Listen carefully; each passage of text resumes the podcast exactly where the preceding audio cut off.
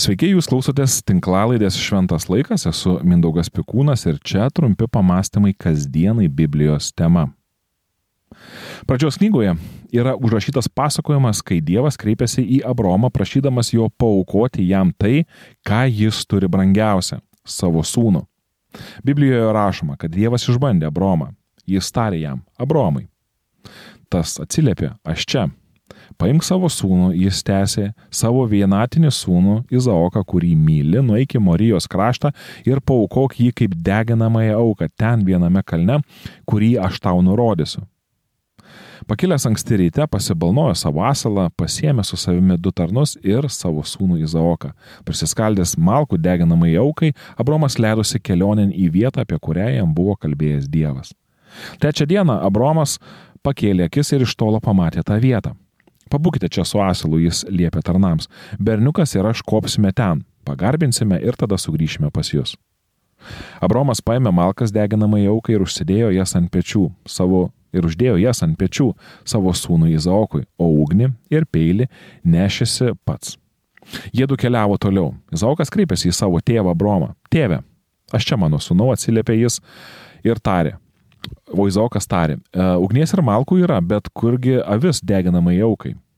Abromas atsakė, Dievas pats parūpins avį deginamai jaukai mano sunau. Ir jėdu drauge ėjo toliau.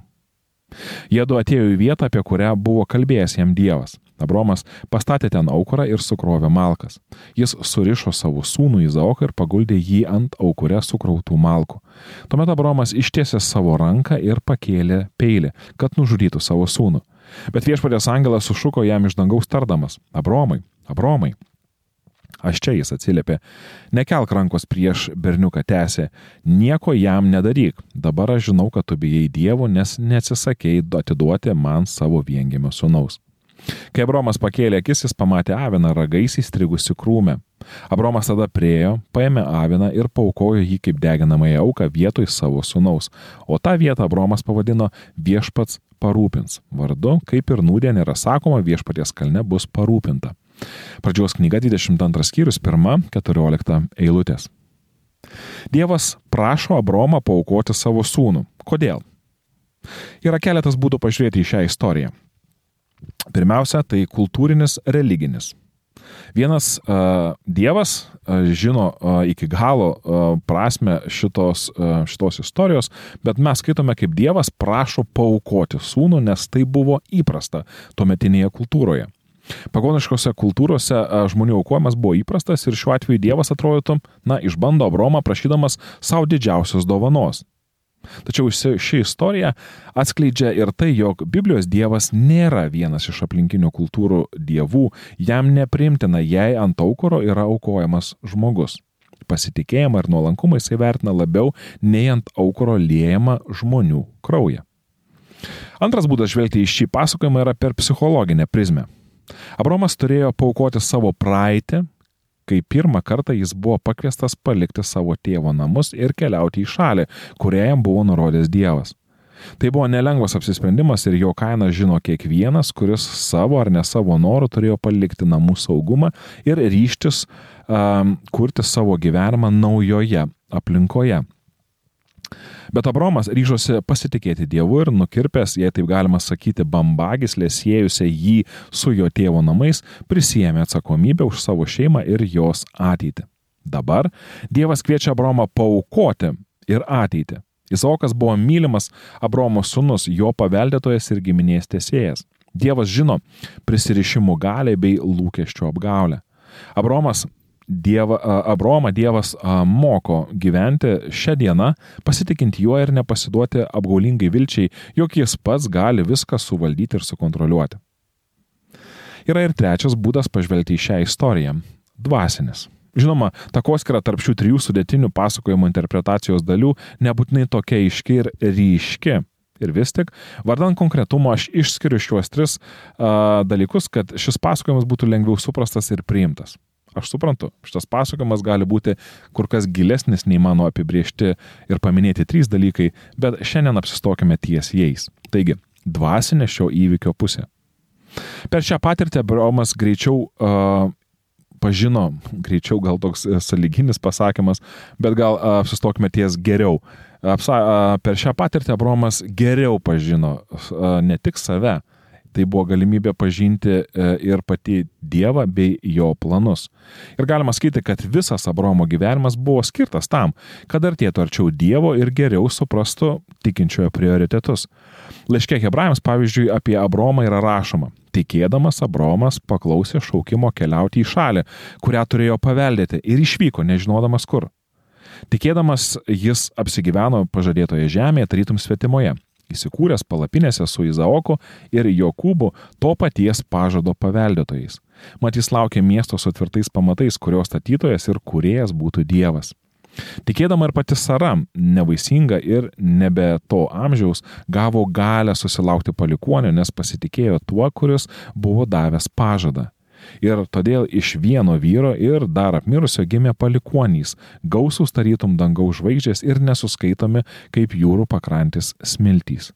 Jie visi mirė tvirtai tikėdami, dar negavę pažadėtų dalykų, tik iš tolo juos regėdami, sveikindami ir išpažindami, jog jie žemėje svečiai yra ateiviai. Tikėdamas Abromas atnašavo Izaoką, kai buvo mėginamas, jis ryžosi paukoti net viengimi sūnų. Jis, kuris buvo gavęs pažadus, kuriam buvo pasakyta, tau bus duoti palikuonis iš Izaoko. Jis suprato, kad Dievų įmanoma prikelti net mirusius ir todėl atgavo sūnų kaip įvaizdį. Laiškas Hebrajams 11 skyrius 8-19 eilutės.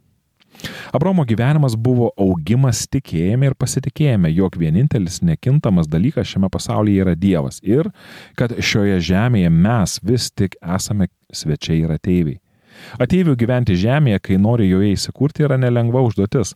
Saugumas yra vienas iš bazinių žmogaus poreikių ir jo ignoruoti tikrai nereikia. Tačiau kas tą saugumą teikia, yra dvasinis klausimas.